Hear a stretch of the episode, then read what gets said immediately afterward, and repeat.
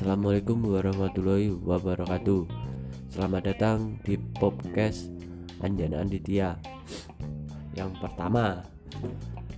Oke Hari ini saya akan membawakan tema tentang perbedaan teori Piaget, Vygotsky, dan Erik Erikson menurut dari pendapat saya.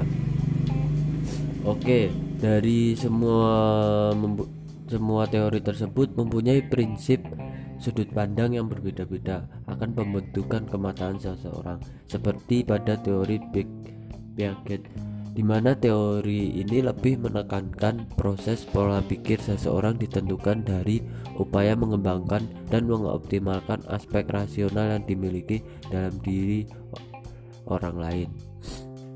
Terus yang kedua, dalam teori Vygotsky hampir sama dengan teori Piaget hanya dia lebih menekankan perkembangan pada pentingnya pengetahuan awal dalam proses pembelajaran dengan media dari kegiatan-kegiatan sosial dan budaya. Sedangkan dari teori yang ketiga tentang teori Erik Erikson, perkembangan kepribadian seseorang ditentukan dari bagaimana dia aktif dalam aktivitas lingkungan dan selalu mengembangkan pribadi dari hal-hal yang dia pelajari dari luar yaitu dari kehidupan tersebut untuk membentuk kematangan kepribadian seseorang.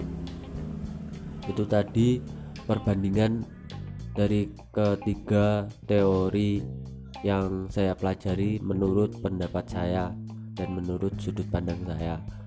Dan yang kedua bagaimana dari cara Anda untuk e, menerapkan atau mengaplikasikan teori yang dari ketiga teori tersebut ke dalam dunia pendidikan. Uh, dari ke semua teori tersebut menurut saya mungkin saya dapat mengaplikasikan ke pembelajaran dengan cara pembelajaran secara kelompok.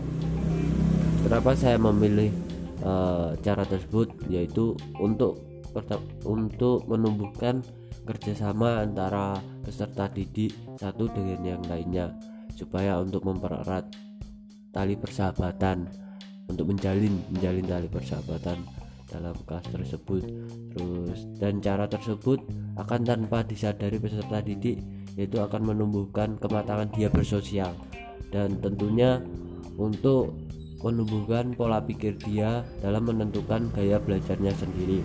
Karena terkait karena uh, saya mengambil jurusan PGSD jadi yang saya ranahkan kan peserta didiknya kan masih anak-anak dan anak-anak itu pasti cenderung malu dengan orang-orang yang awal atau baru dia kenal dan mungkin seseorang yang bisa atau cepat untuk dia percaya ya teman sebayanya atau teman sebangkunya. Jadi cara tersebut saya ambil uh, untuk saya terapkan bila saya menjadi seorang guru nantinya.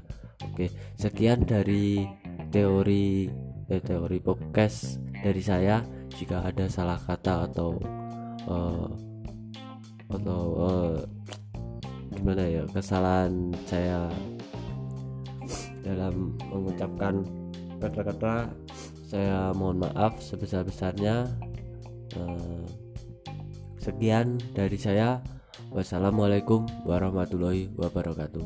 Terima kasih.